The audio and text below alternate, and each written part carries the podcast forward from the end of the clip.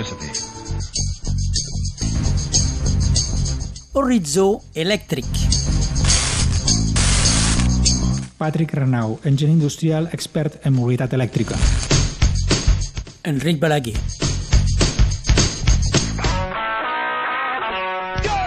Amb Patrick Renau i l'associació Voltur hem anat a Montmeló, al nord de Barcelona, per visitar QEB Tecnologies, una empresa catalana d'enginyeria dedicada a la mobilitat elèctrica. És una empresa dedicada 100% a la mobilitat elèctrica Joan Arús, director general de QEB Tecnologies. que va néixer dintre del món de la competició, fent vehicles elèctrics per competició. Hem participat a la Fórmula E eh, des dels seus inicis, vam guanyar el campionat de Fórmula E i hem estat eh, durant 8 anys competint. Després eh, hem, estem en el nou campionat de l'Extrem I, és un nou campionat que fa cinc curses emblemàtiques del món per explicar el, el canvi climàtic des del desert fins al Pol Nord, passant per l'Amazones.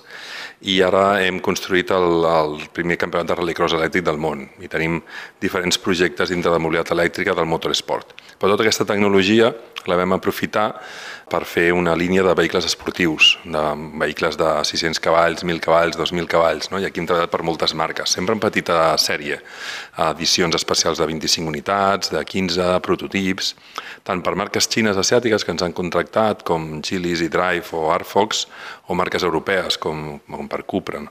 o, per, o per Peugeot.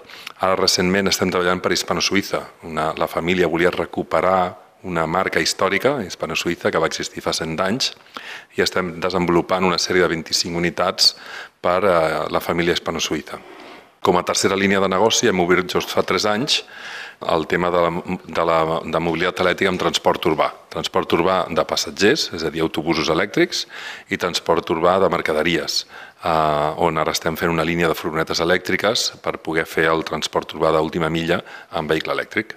La competició eh, automòbil amb cotxes elèctrics és molt diferent. Eh, Penseu que aviat es deixarà la Fórmula 1 eh, tèrmica amb cotxes tèrmics eh, per passar a l'elèctric. Sí, nosaltres estem convençuts que el futur serà la mobilitat elèctrica i el motoresport sempre ha sigut un camp d'investigació, un camp on, on, eh, on s'han descobert grans avanços que després s'han aplicat en el sector d'automoció.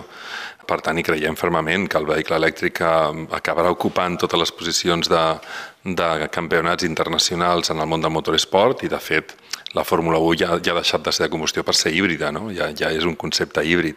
Ja va en aquesta línia, en la de fomentar la investigació també en, en, en, en parts i components del vehicle elèctric. Doncs aquí a Montmeló, a prop de Barcelona, sou eh, pioners, un dels pioners a Europa, suposo. Sí, som una, una empresa pionera a nivell internacional. Hi ha molt poques empreses que a nivell internacional estiguin en el món del motoresport, del vehicle elèctric i al, i al mateix temps intentin aprofitar tot aquest coneixement per aplicar-ho a vehicles de, de carrer. No? Som, evidentment, pioners aquí al, al sud d'Europa. Eh, podríem veure que podrien haver-hi empreses, grans empreses reconegudes, no? on, on ens agrada mirar-nos, no? com, com, com, com la gent de McLaren o de Williams, que estan a la competició i que ja han fet una línia d'investigació en vehicles elèctrics i que estan posant... Però nosaltres hem fet un pas més, que és eh, aproximar-nos al, al, al vehicle comercial lleuger no? i convertir-lo elèctric o autobusos elèctrics. Mm, segurament som els únics del món que, que estem en el món de la competició i al mateix temps eh, estem creant aquesta línia. No? Com se passa d'una activitat molt esportiva a una activitat que no és res del tot esportiva, és, és, fins i tot és el contrari. Pues jo trobo com un pas lògic, és a dir, tu vas acumulant durant anys experiència i, i, coneixements amb tecnologia dintre del món del vehicle elèctric i dius, bueno, aquesta tecnologia em pot servir per seguir disfrutant d'aquest negoci del món de les carreres i passar-m'ho bé fent carreres el rest de la meva vida, o podem aprofitar aquest coneixement per a alguna més. No? Llavors, eh, per mi el pas lògic eh, era mm, aplicar tot aquest coneixement al, al, al vehicle industrial comercial, perquè crec que és el, és el proper pas cap a on la, la, la humanitat ha de fer cap al vehicle elèctric, és a dir, per acabar de convèncer tota la població mundial que el vehicle elèctric és la solució pels seus transports diaris, el primer és que tots els autobusos que agafin el dia a dia siguin elèctrics i que tots els repartidors i els paquets que li arriben a casa vinguin amb vehicles elèctrics. I jo crec que aquest, això els, els, els farà acabar de convèncer.